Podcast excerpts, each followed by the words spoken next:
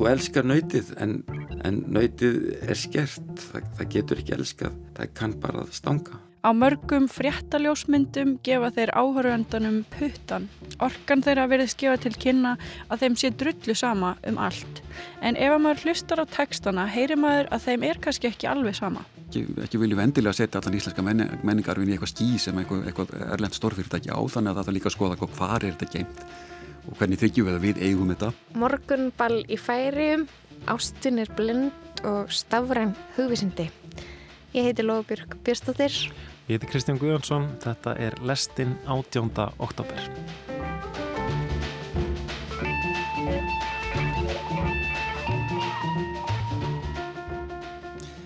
Við ætlum að byrja á ástinni þennan miðugudaginn Sjónastættinir Love is Blind eh, eru gríðarlega vinsæl, vinsælir á Netflix þessa dagana eh, en síðasti þáttur í fymtu seríu kom núna út um helgina. Lóa hefur að horta á þessa þætti Love is Blind? Ég hef örgulega eitthvað tíma hort á einn þátt.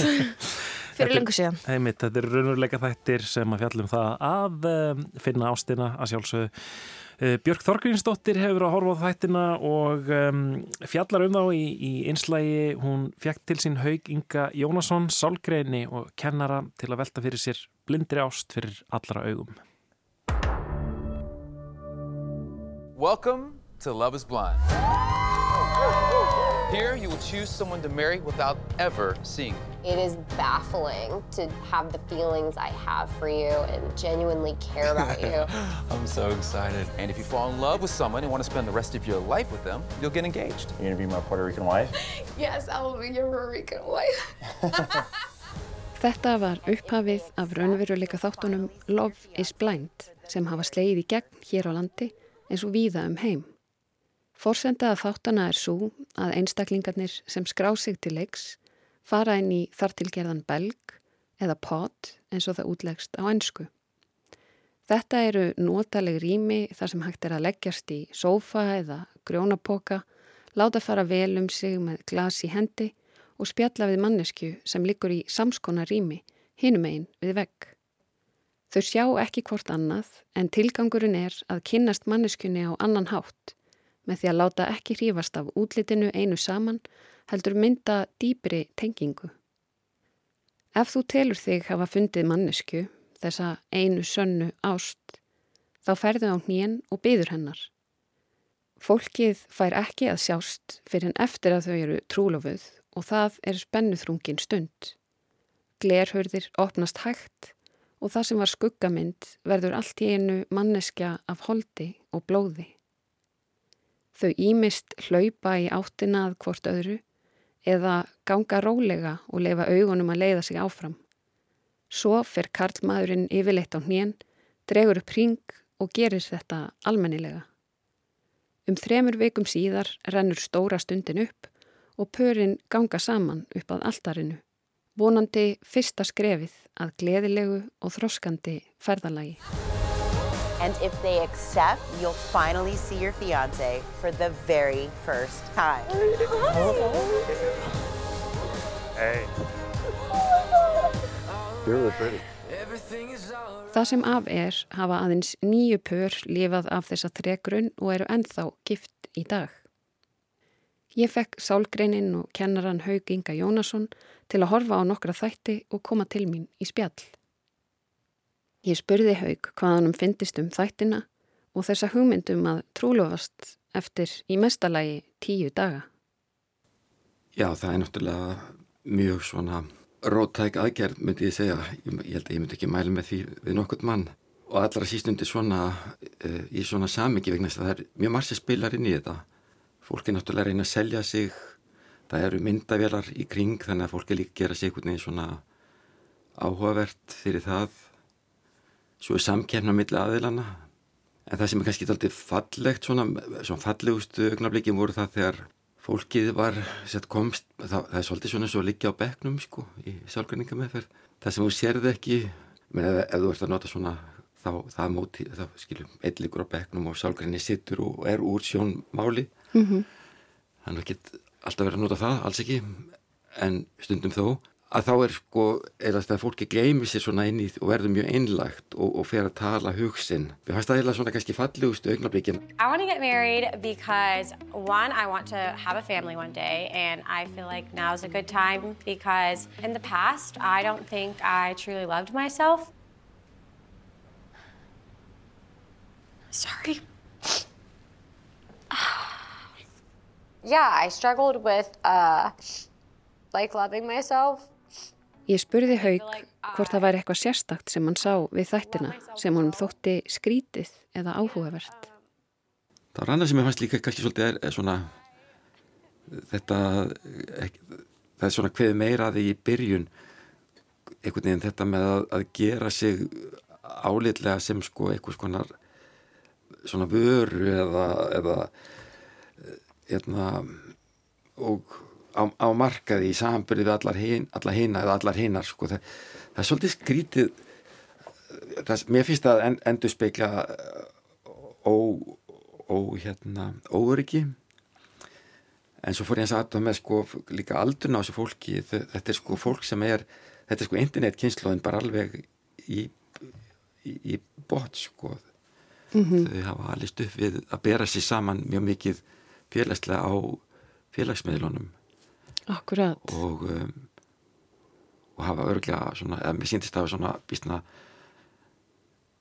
samleitnar eða einsleitnar hugmyndir um hvað er áhugavert og, og, og fagurt og skemmtilegt og það er svolítið áhugavert til dæmis í, í, í það er svona, þeir kallaða endurkoman eða reunion hittast þau, það er þarna par sem að spyr, þau spyrja og þau, þau búa til samtöl og þau, þau láta reyna á þau láta fólki skora hvort annað hólm og í hvaða tilgangi, ég menna það má gera það í, í meðferðatilgangi það þarf að vera ábyrgt eða það getur verið í einhverjum uh, lærdómstilgangi að, að, að, en þá þarf að vera mjög skýr svona samningur um, þú veist, akkur eru við hérna saman? Og það eru ekki mjög vel skrifa niður sko formlega í þessu þáttu hverju taka þátt og ákvaða fórsendum að fara í markvist í, í þann sem er svona veikur fyrir að bara til þess að fá, fá hann til þess að brotna sko í sjónvarpi sko, það er svolítið mm -hmm. þetta er sko fyrir all þjóð eða fyrir þetta er vísna ofinber vettangur og það væri svolítið áhugavert að vita sko hvað gerist í kringum þetta fólk í, í kringum þetta þess að menna hvað, veist ég kom nú við hérna, fekk mér vatn hérna í, á kaffistofinu hérna frammi mm -hmm. það er til dæmis ofta einhvern samtal og segjum að einhver starfsmæður hérna hjá Rúf hefði verið þáttakandi í þessum þætti að það var öruglega heilmikið og kannski ekkert náða að gera sig áleitlega neða áleitlega eða hvernig það var. Það eru ekki eitthvað samtali í kringum hérna viðkomandi og hérna fólk hefur skoðanir á þessu og hvernig bytnar það mögulega á viðkomandi eða, eða hvernig verður það til framdráttar eða, eða skiptir það engum áli. Það er, það er svolítið, þetta er svona síðan spurning. How are you? Good. I love your voice already. so, um, what are you looking for in a partner? Intelligence, dependability. I'll just be honest with you. I have a track record of crappy relationships, and I just haven't found the right person. It doesn't freak me out. Doesn't scare me at all. Við snertum á nokkrum personum í þáttunum, lögfræðingnum Johnny og slökkvölusmanninum JP og spúsu hans, en ekkert þeirra endaði á því að giftast. En það er líka annað, það er þarna stúlka sem er líka ábaldið bátt, sko, sem að hún, hún er lögfræðingur og þeir eru tvei, hún er komið okkur nefn tvo svolítið í takið og maður sér að eiginlega ást þeirra þegar, og það eru búin að hitta hann er blind af því þeir þeir, þeir ná ekki að þeir reyna einhvern veginn að viðhalda einhver sem þeir kalla ást þrátt fyrir það að, að það er augljóst að hún er rauninni ekki uh, heil þannig að þeir reyna að berja í brestina og reyna að hitt og þetta og, mm -hmm. og er einhvern veginn og þá eru þeir orðinni blindir eins og gerist til dæmis í óbeldið samböndum eða í meðverkni samböndum eða eitthvað svona Akkurat. þá fólk heldur áfram og það er ástinn blind og það getur orðið mjög hættulegt vegna þess að fólk getur skadast svo á þessu. Það, það er sko, yfir langan tíma það er svona eins og að vera bara í bara í gerði með manni og nöyti í kannski vikur og mánuði og kannski ár. Og þú elskar nöytið en, en nöytið hefur, er, er skert, það, það getur ekki elskað, það kann bara stanga. En það var þarna eitt dæmum par, það var svo augljóst að þegar þau hittust að þá er henni, það er sko bara gerist að maður, maður hvað heitaði hjónin hennar sem eru með námskeiðin í, hefðu þeir love lab, þau sé að geta séða bara á bara á tveimur mínútum sko hvort að par sambandi muni endast. Og maður sá að þau hittust að það var sko að þetta mun ekki endast. Hann, hann, hún nær hún ekki einhvern veginn þegar hann sér hana mm -hmm. og hann ekki hann og svo verður samtalið skrítið og það fara að verða klifanir um hvort þú elskir mig endalust einhvern veginn og, mm -hmm. og svo mhm. fer þetta einhvern veginn næst og svo samtalum að það sé alltaf að vera með tennur eins og hann er með Hey, what's going on? Who is the lovely guy that I'm talking to? This is Milton. Who is this? My name is Lydia. I am from Puerto Rico. So what do you do? I'm a geologist. Oh my god, I'm really big into metamorphic rock. You the metamorphic are? Why? facies. Are you a geologist? Uh, I'm an engineer in the middle of geology and You're an Og hvernig verðum við ástfangin? fyrst er það kannski röttin og svo er það kannski þetta sjónræna svona upp að einhverju marki en það er mjög margt annað sem að hangi svo á þessari spýtu menn það er til dæmis bara borsiðir viðkomandi og, og hérna atferðli gegnum daginn og, mm -hmm.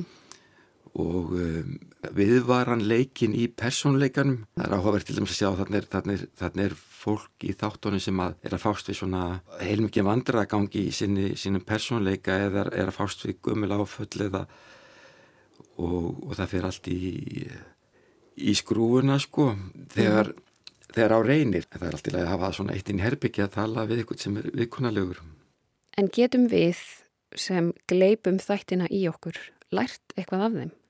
Sko það er þetta lærimslegt að þessu. Það er þetta lærimslegt um persónleika, það er þetta lærimslegt um hvað virkar í tengslum og ekki. Mm -hmm. það er þetta læra um, um um mörg og mæri einhvern veginn, það er þetta að læra um uh, svona hvað er viðkvæmilegt viðurkvæmilegt og hvað ekki. Og ég held að við séum öll eða, eða allavega já allavega þekki ég alveg það að hafa þurft, þurft að læra um þessa luti og, og ég held að það sé lærdómur eða eitthvað sem við þurfum að og við öll kannski bara lífið út mm -hmm. að vera einhvern veginn að svona vera á vaktinni gagvart þannig að jú það er alveg hægt að læra að þessum þætti og, og vonandi til eins og maður gerir þegar maður fyrir leikus maður horfir á eitthvað sem að og maður getur samsama sér personum og, mm -hmm. og fundið til og, og vonandi þá til þess að þurfi ekki að fara og gera sömu tilrönd úti en, og við skulum bara vona að hérna að því er nú kennari sko það er bara við skulum vona að þetta hafi mjög mikið lærdomskildi og fólk geti lært mikið að þessu sjálfum sér og samfélaginu til heila.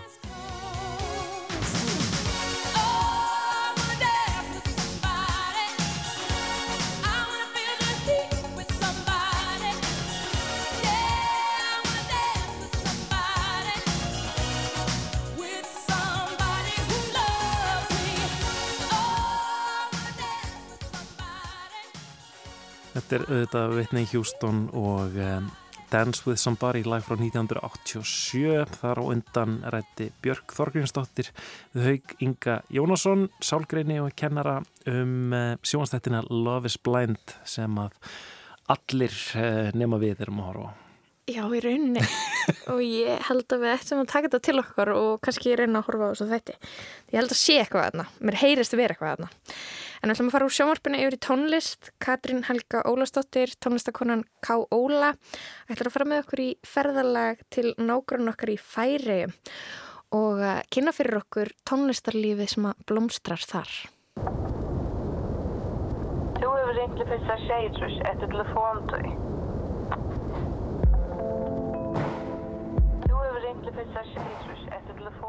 Ég var svo heppin að fá að heimsækja færiar í sumar, dífa tanni í lista og tónlistarsennuna og öðlast meiri skilning á menningu og þjóð. Í síðasta pysli hér í lestinni fyrir viku talaði ég um ullarpeysutísku, ringdansa og snerti aðeins á plötubúðinu og útgáfi fyrirtækinu Tull. Ég reyndi að skilja þessar grunnstóðir og stolpa til að geta skoða færisku menningarserina út frá þeim sem utanaðkomandi mannskja sem tala hvorkin ég skil færisku. Núna ætlum ég að fjalla nánar um ákveðna listamenn og menningarviðburði í færium. Við lendum að morni til í færium. Flugvöllurinn er örlíti starri en Reykjavíkur flugvöllur. Við okkur tók þoka um 15 steg að hiti og ferst sjávarloft. Ég fór á tvær tónlistarháttíðir í færium í júli.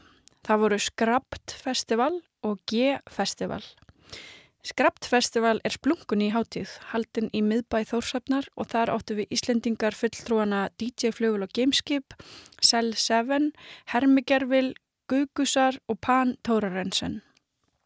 Háttíðin var haldin yfir helgi á einu útisviði og um 150 til 250 mann sóttu hana. Þar var fjöldi færiskra listamanna og á bæði skrapt og G-festival var dagskrá ljóðalesturs sem mikill áhugi virtist vera fyrir.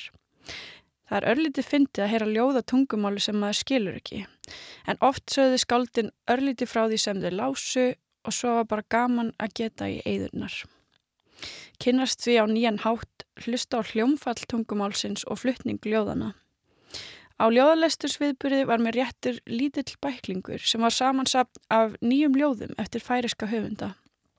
Þetta var svo kallað sæn eða útgáfuritt, heimagert og ljósritað í 60-100 eintökum. Bænir Bergson var eitt þeirra sem lásu upp ljóð á ljóðaviðburðinum á skrapt en annað ljóðasafn hans Sólgarðurinn kom út í íslenskri þýðingu Guðurna Brjánsdóttur nú fyrr í oktober. Bókin var tilnæmt til bókmentaverluna Norðurlandaráðs árið 2022. Hún er tímamóta verk í færisku samfélagi og fjallar á opinskáan og einlegan hátt um ástur tveggja karlmana. Annað skáld sem las upp úr þessum bæklingi var Dania og Tausen sem er ljóðskáld og tónlistarkona. Nýverið gaf hún út plöturnar Ja, part 1 og Nei, part 2. Og hérum Blífa til og ég arminn svo þér Kann ég hafa arminn svo leiðis hér? Eða má ég hafa höndina svona hér? Er poplag með vott af von og stríðni. Þar er á plötunni Já Part 1 sem setur gítarleik og lástemt undirspil í fókus. Ég nefni það hér að Dania og íslenska hljómsveitin Supersport eru vinnar hljómsveitir og eru í þessum töluðum árnum á sameinlegu tónleikaferðalagi um Evrópu. Dania er einni í hljómsveitinni Agra Soppar sem spilar tónlist með hip-hop og lo-fi innblæstri auk þess að rappa og syngja á færisku. Þau heldur tónleika á G-festival á sviði sem kallaðist Fjósið, einfallega því það er gamalt fjós, með vandar, heimagerðar, dýragrímur og í íþróttagölum. Þau voru með nokkra dansar á sviðinu og fjósið var tróðfullt af fólki. Það virðist vera algengt í færium eins og Íslandi að vera í fleiri en einni hljómsveit. Líkt og Íslandi er um 50% færiskra listamanna að gera tónlist á sínu eigin tungumáli, færisku, og hinn 50% á ennsku. Það eru augljós áhrif frá rocki, poppi, þjóðlaða tónlist, rappi og hip-hoppi svo eitthvað sem nefnt. Á hátíðinni G-festival var í fyrst og fremst hrifin af staðsendingunni. Siðri göta er um 100 húsa bær, um klukkutíma axtur frá Þórsöfn. Bærin er á annari eigu og til að komast ángað þarf að keira í gegnum ein af fjöldamörgum göngum sem hafa verið gerð í færium til að auðvelda samgöngur millir eigana átjón. Þessi göng eru þau einu í heiminum sem eru með ringtork neðansjávar. Í þeim er hægt að stilla á útvarpstöðuna FM 9700 og hlusta á tónverk sem tónskaldið Jens L. Thomsen samti sérstaklega fyrir þessi göng.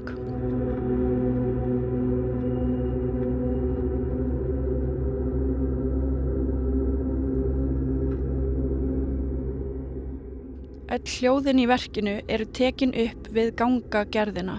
Tónverkið er að mínu mati frekar drungalegt og ambient verk og hjálpaði ekki beint upp á innilökunna kent í löngum göngum á eða undir hafsbótni.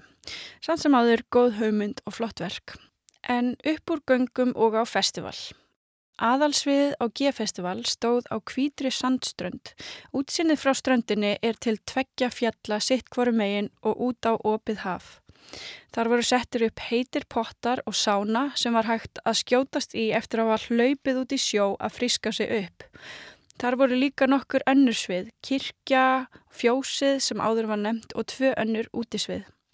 Við Íslendingar áttum þrjá fulltrúa á hátíðin í ár en það voru Axel Flóent, Árstíðir og Bríett. Annars voru margir þekktir erlendir listamenn sem spiluði í bland við færiska listamenn. Sem dæmum erlenda listamenn má nefna Lucky Lowe,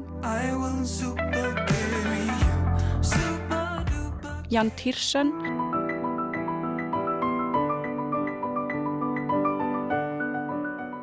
Lambrini Girls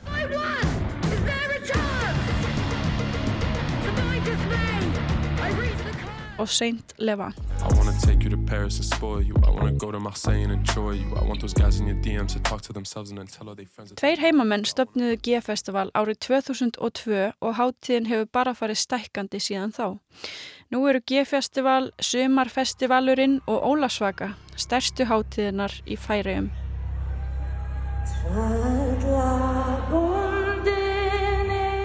Þegar æfur steg á svið fylltist ströndin á fólki. Það var gaman að sjá hversu mikil smetin hún er í færium og heimabær hennar greinlega mjög stoltur af henni.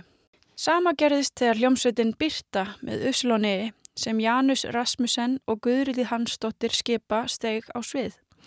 Þau gafu út plötu samnemnda hljómsveitinni árið 2013 sem sló í gegn í færium og voru þetta eins konar endurkomi tónleikar dúásins sem spilaði aftur rafpoplaugin sem sló í gegn fyrir tíu árum.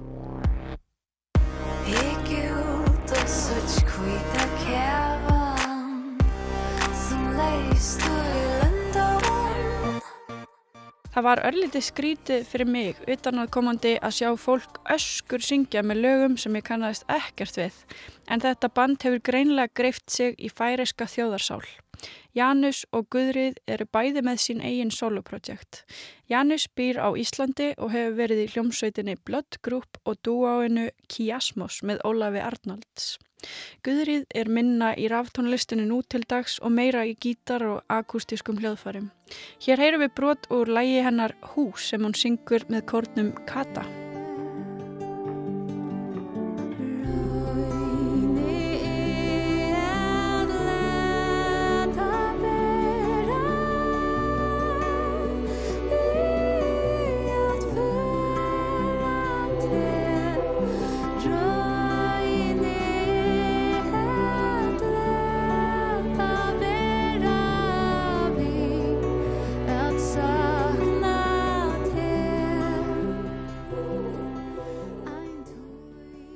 En færiska tónlistasennan er ekki bara róleg og falleg tónlist.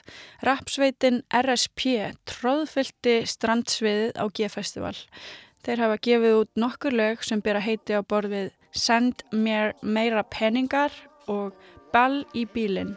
Jeg bruker pengene til tær og på jeg tykker mer Jeg skal slippe eie alt, alt, alt som jeg ser Du vil slippe tur, tur og du bøyer etter svær Du skal få av dine penger, men du veiper ikke nær. Falt deg røyna leita, men de vita bare ikke hver. Vil du være millionær, se til hikk og lær Du eier unga penger, du gjør dette her En hér vil ég koma því á framfæri að eftirparti er á færisku morgunball sem ég veist persónulega gæti verið gott íslenskt nýjörði fyrir eftirparti. Hljómsveitin Joe and the Shit Boys spilaði á tónlistarháttiðinni Skrapt í Þórsöfn. Þeir hafa sterka sviðsframkomu þar sem hraðir trommutaktar tvinnast við öskurtalandi söngstíl söngvarans. Hljómsveitin gaf út plötuna The Reason for Hardcore Vibes Again árið 2021 með auglósri stafsetningavillu í teitlinum. Á mörgum fréttaljósmyndum gefa þeir áhöröndunum puttan. Orkan þeirra verið skefa til kynna að þeim sé drullu sama um allt. En ef að maður hlustar á textana heyri maður að þeim er kannski ekki alveg sama. Tittlar laga þeirra eru til dæmis If you believe in eating meat, start with your dog eða ef þú trúir á kjötátt skaltu byrja á hundinum þínum og save the planet, you dumb shit eða bjargaði heiminum, heimski skítur.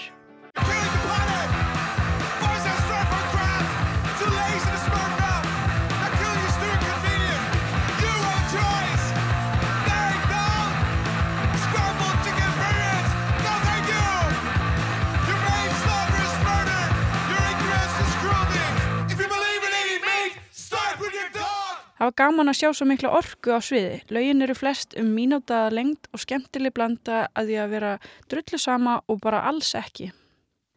Næst get ég nefnt tvær tónlistarkonur sem semja á ennsku.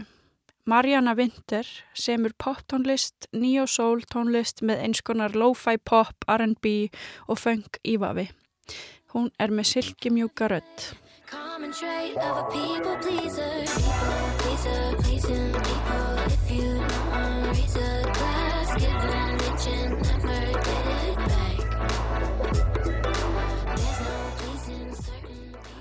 Mariana og tónlistarkonan Jessie Gold eiga svolítið heima á sömu hillu í senunni. Svona lýsir Jessie Gold tónlist sinni sjálf á Spotify. Of mörg parti, of oft þinga, of mörg hjartasár. Lita hárið raukt í óðagoti, þreytt á vinum sínum og vonast eftir nýri byrjun. Hún semur texta um það að vera ringluð á tvítusaldri og þetta lag fjallar um að lita hárið á sér raukt.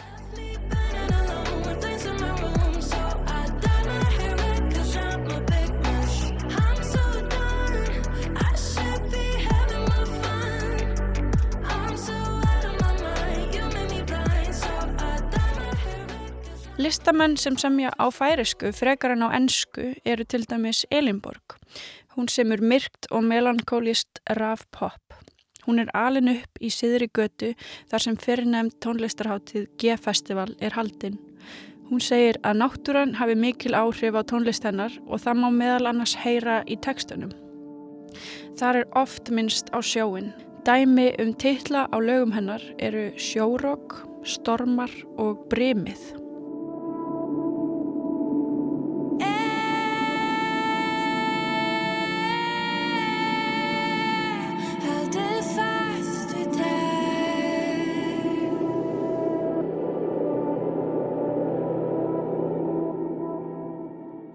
Síðan höfum við tvíegið einangran sem samanstendur af Legu Kampmann og Heidrygg á heigum.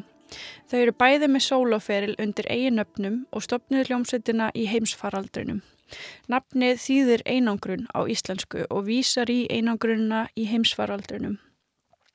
Þau semja þjóðlega pop, fallega laglínur við plokkaðan gítarleik með melankóliskum mjúkum laglínum, minimalískum píjánuleik og hljóðgerlum. Útsetningar og laugin minna örlítið á tónlist Safjan Stevens.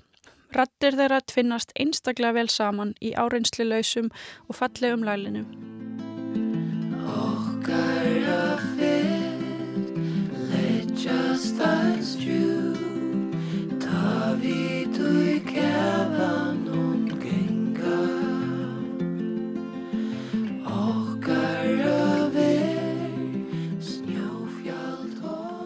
Hér gæti ég talað um fleiri listamenn, talað um tónlistaverlu Norðurlandarað sem Æfur fjekk eða um hinn færiska teit Marju Siska og Anniku Hóidal sem hafa greitt göduna fyrir ymsa tónlistamenn.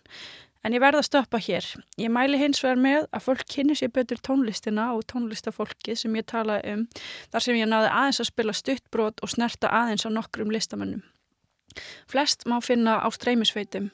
Það er margt spennandi í gangi í seninu hjá frændum okkar í færium og alveg í lokin vil ég benda forvittnum á að nokkri færiskir listamenn koma fram á Æsland Airwaves nú í byrju november.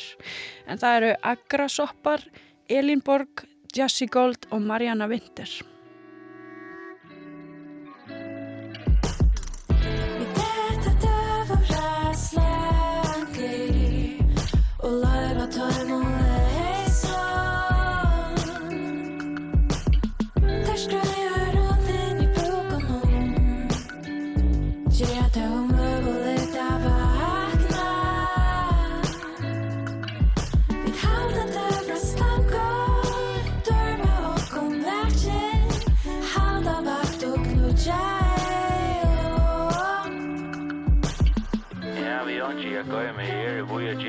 span driver roll the jeb tall granga yo lateral spread spilt the lens na rur on we fair as on the nagging at the If I am her morgan Lord over a slang go for your last night bird birdie in the paddy a bear stand the edge out so you better start me on the south sat graph slant the instant the hardy get that check.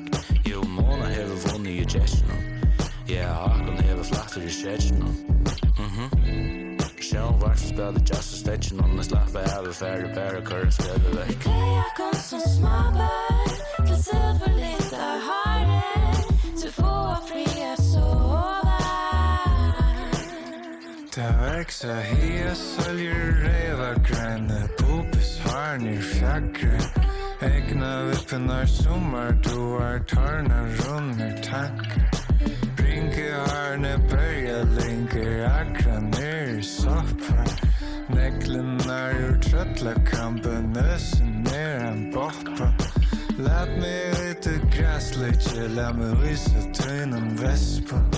Sett mig nýr plantasjuna að ballast millum makkar. Að ballast millum makkar. Að ballast millum makkar. Að ballast millum makkar. Að ballast millum makkar. Ballast ballast, ballast, ballast, ballast, ballast. Mm. Lægið Ballast millum maðkar af plötunni Dögurðarslang með hljómsveitinni Agrasoppar Þetta er hljómsveit, færis hljómsveit sem að spilur á Airwaves sem er bara eftir nokkra vikur. Nákvæmlega. Um, þar undan var það Katrín Helga Ólaðsdóttir sem að fór með okkur í gegnum svona það helsta sem er að frétta í færisku tónlistarlifi. Mjög skemmtilegt. Mjög góð yfirferð. Um, talandum tónlistaviðburði, e, þá langaði mér nú bara vekja aðtegli á því að já, mikill e, frumkvöðull í, í, í ákveðinni tegund af tónlist er að spila hérna e, á, e, hvað ég var að segja, í partíi á, á, á förstu dag. Það er sem sagt... Tónleikum. Tónleikum, myndir myndirðu kalla það tónleika? Þegar DJ kemur fr- fram. Viðburði, Ok. allavega ekki partí, út í að það er að borga sig inn og fara. Já, já, ok. Uh, segjum viðburði. DJ Assault er að koma fram á uh, viðburði á, á skemmtistænum Auto á föstaskvöld. Uh, DJ Assault er um, tónlistamæður frá Detroit, um, Craig DeShawn Adams. Um, hann er algjör frumkvöðl í, í tón- tónlist sem heitir Ghetto Tech sem að er einhver svona blanda af hiphopi og technoi sem var til í Detroit um, fyrir einhverjum 10-20 árum um, svona, já, þetta er raftónlist, danstónlist um, innblásin af technoi en oft með svona endurtekningasömum og yfirleitt mjög klámfengnum kannski vafasömum hérna textum Og stundum kalla hvað? Ég er svolítið spennt að Booty music Rassatónlist. Þetta er svona rassatónlist sko, Aha. þannig að hann er mikill rassakongur og mér langaði bara að að spila svona hans, eitt hans þekktu, þekktustu lögum sem að heitir Ass and Titties uh, að sjálfsögðu rassar og brjóst Ass, titties, ass and titties. Ass, ass, titties, titties, ass and titties. Ass, titties, ass and titties. Ass, ass, titties, titties, ass and titties. Big booty bitches that's wearing guests. Come on, ho, let's go to the easy rest. When I see ass, titties, ass and titties. Ass, ass, titties, titties, ass and titties. Big booty bitches that's wearing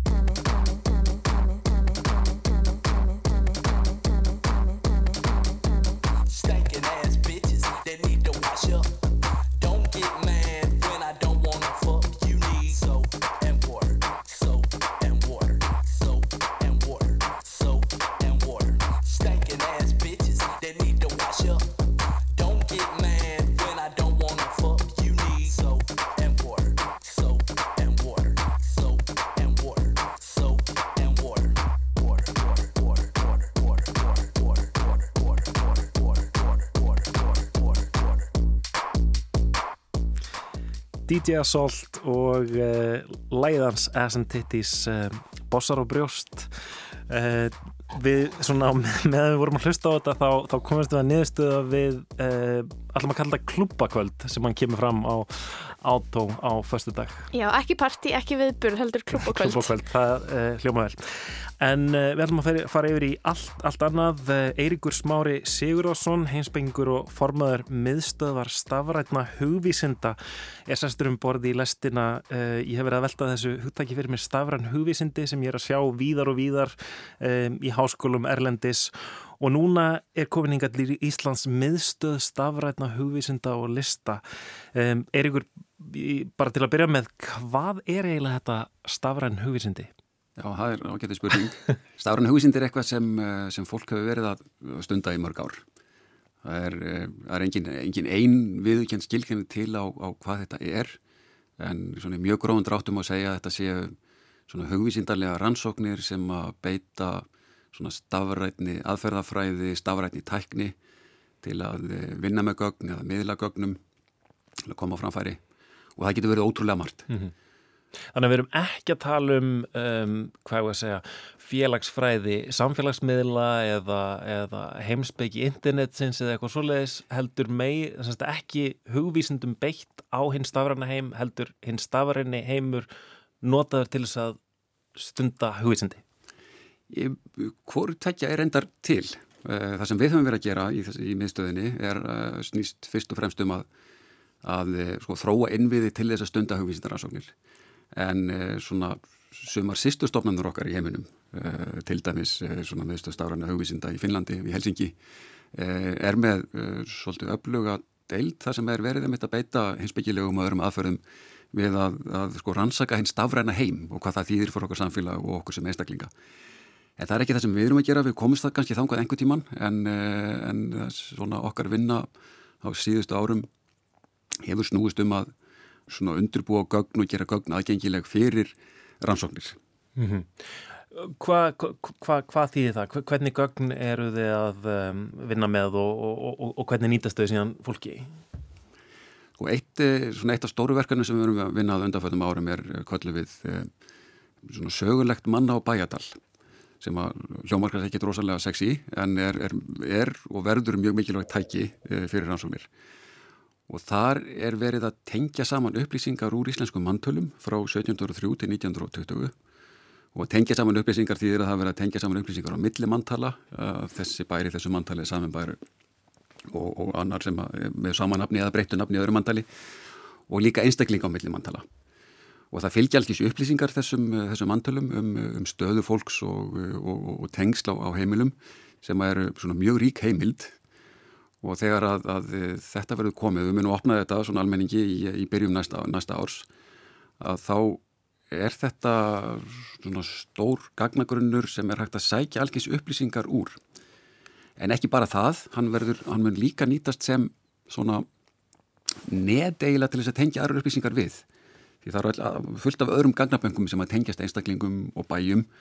Og, og þegar þetta manna bæjartal verður tilbúið þá er þetta að tengja þær upplýsingar þar inn Þannig að, þannig að þá geta kannski það sem líkur beinast við sagfræðingar uh, farið í þennan gagn, gagnagrunn og, og, og þetta auðveldar þeim rannsóknunar sem þeir hefði annars þurft að einhvern veginn uh, kannski grúska heil lengi að samræma hérna, einhverja mismunandi mantöl frá mismunandi öldum og, og svo framvegis. Já og sagfræðingar og fleiri hafi verið að gera það en þetta er með auðveldar þá vinnum mjög mikið og í, svona, í sömar voru, voru, voru dæmis með styrkur nýsköpunisjóði námsmanna að, að svona prófa þennan gagnagrunn, vita hvað var hægt að fótur honum. Til dæmis að skoða hvernig staða hvenna breytist eh, frá mantölum eh, millir mantala um, svona til dæmis þegar það verði ekkjur hvað verður um þar, svona ég skoðar þetta eitthvað áratíu fram í tíman þannig að þetta sparar, sparar vinnu. En við erum líka þar svona fleiri verkan sem við verðum að vinna. Um, til dæmis erum við er búið að þróa svona sem er kallast eh, íslenskir módúlar að, að kerfi sem heitir transkripus og, eh, og það er kerfi sem les handskrift mm. þannig að það er að hlaða inn handskrifuðum skjölum og, og kerfið les það þá og gerir leitar gerir skjölinn leitabær mm -hmm. en það er svona kerfi sem er þannig að það þarf að, það þarf að kenna því tungumál En það er ekki eins og að segja að kenna kerfinu bara að lesa íslensku. Það þarf að kenna því að lesa íslenska handskrift frá ákveðin tímum, jafnvel einstaklingum og, uh, og svona módelin sem eru til núna, uh, þeir kannski gagnast ekki fyrir akkurat það sem að þú ert með uh, nema að einhverju leiti.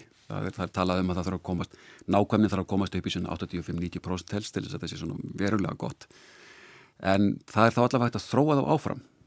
Þannig að, að, að rannsakandi sem er með eitthvað ákveðið sapn af af hanskrifuðu stjölum getur byggt á þeim mótulum sem eru til og, og, og kent mm -hmm. kerfinu að lesa þessi ákveðnu stjöl sem er kannski uh, handskrift einhvers einstaklings yfir eitthvað ákveðið tímabil. Einmitt.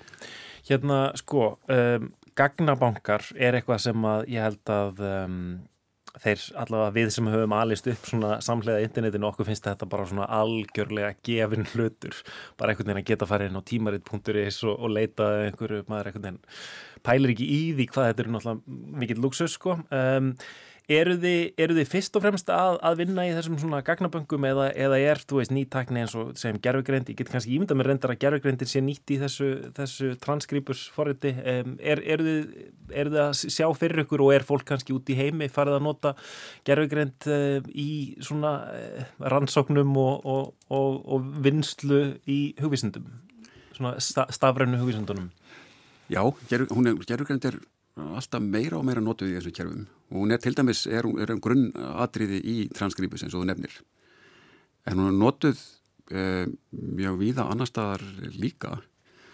Og eitt, svona bara til að nefna, nefna eitt svæði það sem að, að er farin að, að verða meira áberandi að þeirra verið búið til, til, til gagnagrunna, það er ekki nóg að, að, að bara hlaða niður einhverjum gögnum. Þannig að taka myndir af bladsýðum eða, eða, eða þrývita myndir af einhverjum munum og gera aðgengileg til þess að þetta leita að þessum gögnum að það þurfa líka að vera góð lýsigögn. Og það er, getur verið akkillisarhæll í, í gagnagrunnum að lýsigögn sé ekki nógu góð. Og, og það er ekki gífurleg vinna að, að, að búa til lýsigögn. Hvernig lýsir eru ljósmynd í, í ljósmyndabanka? Og við erum að tala núna um ljósmyndabanka sem eru með miljónur eða miljardar eh, einstakra mynda sem eru þar inni. Og það er verið að nota meira og meira sko, gerfigrein til þess að, að sko, lesa í form til dæmis ljósmynda. E, það er ekki eins lýsigögn og, og maðurum myndi að þetta skrifa eða manneskjan en, en það eru lýsigögn sem að geta samt sem að hjálpa þannig að það er þetta að, að e, gera þessa lýsigögn að vinnu að einhverju leiti sjálfvirka. Og svo er annað líka þegar að, til þess að nefna bara aftur sögulega mann og bæjartalið sem er svona eitt af okkar, okkar stóru verkefnum að e, það er ekkit einfalt að tengja einstaklinga á milli mantala, fólk flytur uh, á milli staða á Íslandi reyndar er, er, er einfaltar en við annar staðara því að fólk er ekki svo mikið að breytum nöfn uh, eftir, eftir manntölum. En það er samt svolítið mikil vinna og þar er svona hugmyndin núna í, í svona síðasta fasa þess að við erum að vinna að beita uh, að nota gerfugrein sem hjálpartæki til þess að finna að, að tengja fólk. Og þá er byrjað á því að nota, að, að, að nota hana sem tæki til þess að gera tillögu um þessi manneskja sem er nefnd hér í þessu mantali sama manneskja nefnd hér í þessu mantali og það eru þá algis svona uh, aðferði sem eru notar til þess að þróa, þróa það mm -hmm. Hérna, segðu mér miðstöð stafræðna hugvísinda og lista um, hvenar uh, hva, hvað er þetta? Hven, hvenar, hvenar verður þessi miðstöð til og, og, og, hvað gerur hún? Já, hún, hún verður til uh, 2021, þannig hún er ekki svo gömul og uh, verður til í, í tengslu við áttak sem að innviðasjóður var með um að ebla uppbyggingu rannsókna innvið á Íslandi uh, bara á öllum fræðasviðum. Og við sóttum um og fengum svona pláss á því sem kallast vegvísir um uppbyggingu rannsókna innviða og það þýðir að við höfum svona ákveðin forganga fjármagnu úr sjóðnum. Það er að þau, þau sjóðurinn útlutar til verkefna hjá þeim aðlum sem er á þessum vegvísi. Og svona í tengslu við að, að, að undirbúið þessa umsókna þá bara kölluðum við á okkur svolítið góðan hóp. Þannig við vorum uppaflega tíu stofnandir sem að stóðum að þessu, e, þessari miðstöð. Erum orðin 13 í dag. Það voru bara tvær sem bættist við núna í haust. Og svona hugmyndafræðin sem við leggjum upp með þetta, er ekki stopnun við erum ekki, ekki, ekki ný stopnun þetta er svona samstagsvettvangur e, rekin af, af, af hugvistasviði Háskóla Íslands. En e, erum með e, fleiri háskólastofnanir og listina þann einni sem er mjög ofunlegt í þessu, þessu samengi og, það, og eitt af því sem hefur verið mjög gefandi í þessari, í þessari þróun er bara það, það samstarf og samtal sem hefur verið að verða til e, í tengslu við þau verkefni sem við erum að búa til saman. E, stofnandir sem hafa auðvitað fólk hefur þekst og hefur verið að vinna saman en, en akkurat í þessu málflokki núna er, er þetta samstarfa að, að aukast og aðeins breytast. Og gæri voru til dæmis bara, það var svona stjórnafundur hjá okkur í gæri og, og eitt sem var til umræðu þar og hefur svo sem verið til umræðu hjá okkur áður að við, við, við stöndum flest frammi fyrir svona ákveðinu mjög konkrétt vandamálum þegar kemur að uppbyggingu svona stafræna gagna. Og þetta er áhersluatriði í bara á Íslandi bara áhersluinu stafrænt Ísland og að gera menningararfinn stafrænan og, og svo leiðis og, og það er allir að vinna í þessu það er allir þessar stofnandir sem eru að vinna með okkur eru, eru að vinna í þessu. En það sem að, að vandar og, og miðstöðan getur ekki, ekki leist einu sér það, það þarf svona eitthvað stærra áttak til þess það er kannski aðeins betri skilningur á því og að það, það kostar að, að, að halda þessu gögnum við. Mm. eða verða að stafæða til dæmis kveikmyndasafn í Íslands. Bara einn kveikmynd tekur alveg ótrúlega mikið pláss e, og svo mikið gagnamagt hann undir. Og ef við erum að fara að skanna í þrývitt muni hjá þjóðmennarsafninu og annar staðar þá kallar það á alveg ótrúlega mikið pláss. Og þetta er svolítið svona stort atrið sem við þurfum að fara að skoða saman og, og með stjórnvöldum og við efandir áðunitum hvernig leysu við, við þetta mál? Já. það er engin einn stopnur sem getur list þetta. Það, það, það, það þarf að, að skoða þetta í einhverju svona starra samingi mm. Þannig að það er ekki bara kostnaður einu sinni við að, hérna, við að skanna þetta inn heldur í rauninni að, að borga fyrir hýsingu þessara gagna að eilífu. Já, það þarf að borga, borga fyrir hýsingu og það, ekki, það getur verið hýsing í skí en það er ekki alltaf fyrir rétt að leiðina því ekki, ekki viljum vendilega setja allan íslenska menningarvin í eitthvað skí sem eitthvað, eitthvað erlend stórfyrirtæki á þannig að það er líka að skoða hvað er þetta geimt og hvernig tryggjum við að við eigum þetta mm -hmm. og það getur verið á einhverjum drifum eða, eða e, sem eru varveit á Íslandi en það er líka að endur nýja þau á, á nokkra ára fresti þannig að kostnæður við vistun og bara vinnan í kringum vistun er mjög Eh, mikil og, og, og, og mikil kostnarafsu sem að, að við erum svona að, að velta fyrir okkur núna hvernig, hvernig leysum við það einhvern veginn saman? Mm -hmm. þannig að ekki bara hver og einnar henni gerir þetta fyrir sig heldur að, að það verði fundin einhver löst sem að fleiri geta gengið inn í. Og hérna með þetta mjög aðtilsverður punktur sem þú nefnir um já, hver, hver hýsir þessi gögn, hvað þau eru hýsta því að ég menna það eru örgulega fullt af e, stórum amerískum fyrirtækjum sem myndu gjarnan vilja fá aðgang að öllum þessum hlutum. Ég meina, við erum náttúrulega með dæmið um það hvernig e, íslenska risamálheldin hefur raunni farið, farið til bandaríkjana til, til OpenAI sem, að, sem getur nýtt hana í að gera chat GPT hérna, betra í íslensku. En ég meina, Eh, Google Books myndi örgla vilja eiga tímaritt.is eh, hérna gagina grunn og allt þetta, já, við, við, gætum auðveldlega að selta þetta allt til eða e, gefið þetta til ameríska stórfyrirtækja en, en það er kannski já Það er alltaf ekki, hérna, ekki, ekki markmið hjá okkur að gera, gera næst líkt. Ég held að það þurfa að skoða það ekki bara hvert tilfelli fyrir sig. Það er svona spurningu hvers eðlisgögnin eru og almennt er, er, er, er betra að uh, hýsa gögn uh, hjá, hjá, hjá Europasamvátunni innan Európu þar sem að gilda miklu strangværi lög og reglur heldur en, heldur en við förum út fyrir, út fyrir það svið. Um, já, ég hef ekki einfalt svar við hvað, hvað það er að gera en, en, en þetta er spurningu hvaða gögnit eru, uh, hvers, eðlis, hvers eðlis eru þau, um, er þetta persónugreinlega gögn eða ekki persónugreinlega gögn, er höfundaréttur áðum eða ekki höfundaréttur, hvaða hætta fælst í því að, að, að, að, að viðstöðu hjá einhverju erlendu stórfyrirtæki, það getur verið besta laustin í einhver tilfellum að gera það en, eh, en já, ég held að það þurfa að stíga svona varlega til jarðar og, og, og af svona af forstjálni að að segja hvað, hvað þýðir það að, að, að vista ákveðin á ákveðinum stað. Hm. Hérna, núna á förstu dag þá er þið með málþing um, þar sem að, já, viðfónsefni er menningararfur í, í síndarheimi hérna, hvað, hvað er að fara að gerast? Hvað, hvað, hvað er það að fara að ræða þar?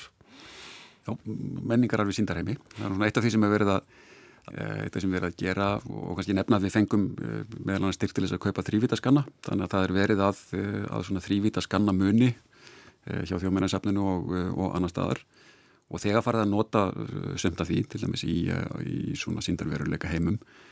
En við fáum mjög viðkjöndan sérfræðing frá Ástralíu, Erik Champion sem að, að verður á Íslandi á, á morgun og föstudag, hann verður með svona vinnustofu á föstasmorgun sem er ennhægt að skrá sig í.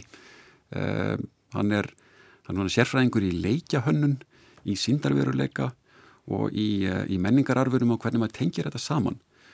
Og það er svona áhugavert þegar maður fyrir að skoða þetta svið að það er að það er, það, það er mjög mikill eh, svona sterkir snertifletir og stóri snertifletir á milli, milli þessara þátt á leikjahönnunar og syndaveruleika eða aukinsveruleika eða ekstraveruleika eða hvað kvöldum þetta og, og, og menningararfsins. Og við fáum dæmum það líka, hann er ekki svo eini sem verður að, að, að tala á málþingin okkar hann eftir hátegi sem verður í, í, í Veröld upp í Háskóli Íslands. Um, heldur koma, koma fleiri aðlar frá, frá Íslandi sem að segja frá vinnu sem hefur farið fram hér um, til dæmis við að nota uh, svona skannaða muni frá þjóðmennasafninu og, og, og gera hluta af leikjaumhverfi. Mm -hmm. og það er ekki, þetta er ekki bara til þess að, að, að, að þróa einhverjum vörur til þess að selja, til þess að búti tölvuleik til þess að selja einhverjum heldur er líka verið að þróa tækni til þess að sko, gera menningararfin aðgengilegan. Þannig að það er verið að vinna í því meðal annars í uh, hjá, hjá Háskólinum í Reykjavík vinna verkefni við að búa til svona stafræna tvíbura af stöðum, geta verið heilu bæirnir eða, eða hús. Og þegar að búa til svona stafræna tvíbura af einhverju stað þá er þetta bæta inn eh, einhverjum spekkingum eða, eða, eða einhverjum sem að tengist menningu staðarins eh, sem er horfið en eru til upplýsingar um nógu miklar til þess að segja að það bara teikna það upp í þrývit mm -hmm. og þá getur þú sem áhuga samir einstaklingur eða, eða rannsakandi eða einhver sem vil miðla einhverju nota þetta sem tæki til þess að, að, að, að sjá eh, hvernig hluturinn lítur út eða hvernig staðurinn eða bærin eða, eða hvaða nú er og það er svolítið þemað á þessu, þessu, þessu málþingi. Eh, hvernig, hvernig notum við þessa tækni sem það er til og, eh, og allar þá þróun sem varum átt í staðönda fann áratíu í, í leikjaheiminum. Eh, það er alveg ótrúlega upplugt tól sem hægt er að nota til þess að, að, að vinna með menningararfin fór sem við verum að rannsaka hann í gegnum þau eða miðlónum í gegnum þau. Um, og það er mikill áhuga á, á, á, á báða báa mm -hmm. þannig að það er, er svona þema þessar, þessar dagskrá á, á, á föstu daginn. Já, sem sagt, mikið að gerast hjá miðstöð Stárarna Hugisund og Lista. Eiríkur Smári Sigurðarsson, formaður miðstöðarinnar. Takk kærlega fyrir að koma í lestina og útskýra þetta hugtak fyrir mér Stárarn Hugisundi og, og segja mig frá starfsemi miðstöðarinnar. Já, takk fyrir bóðið.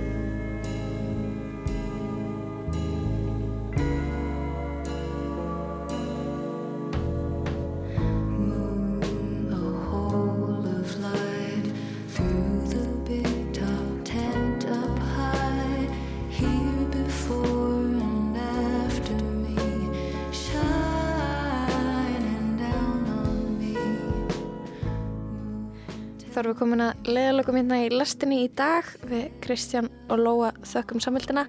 Áður en við kveðjum þá ætla ég að byðla til hlustenda um, fólk sem hefur eða er á leikumarkaði.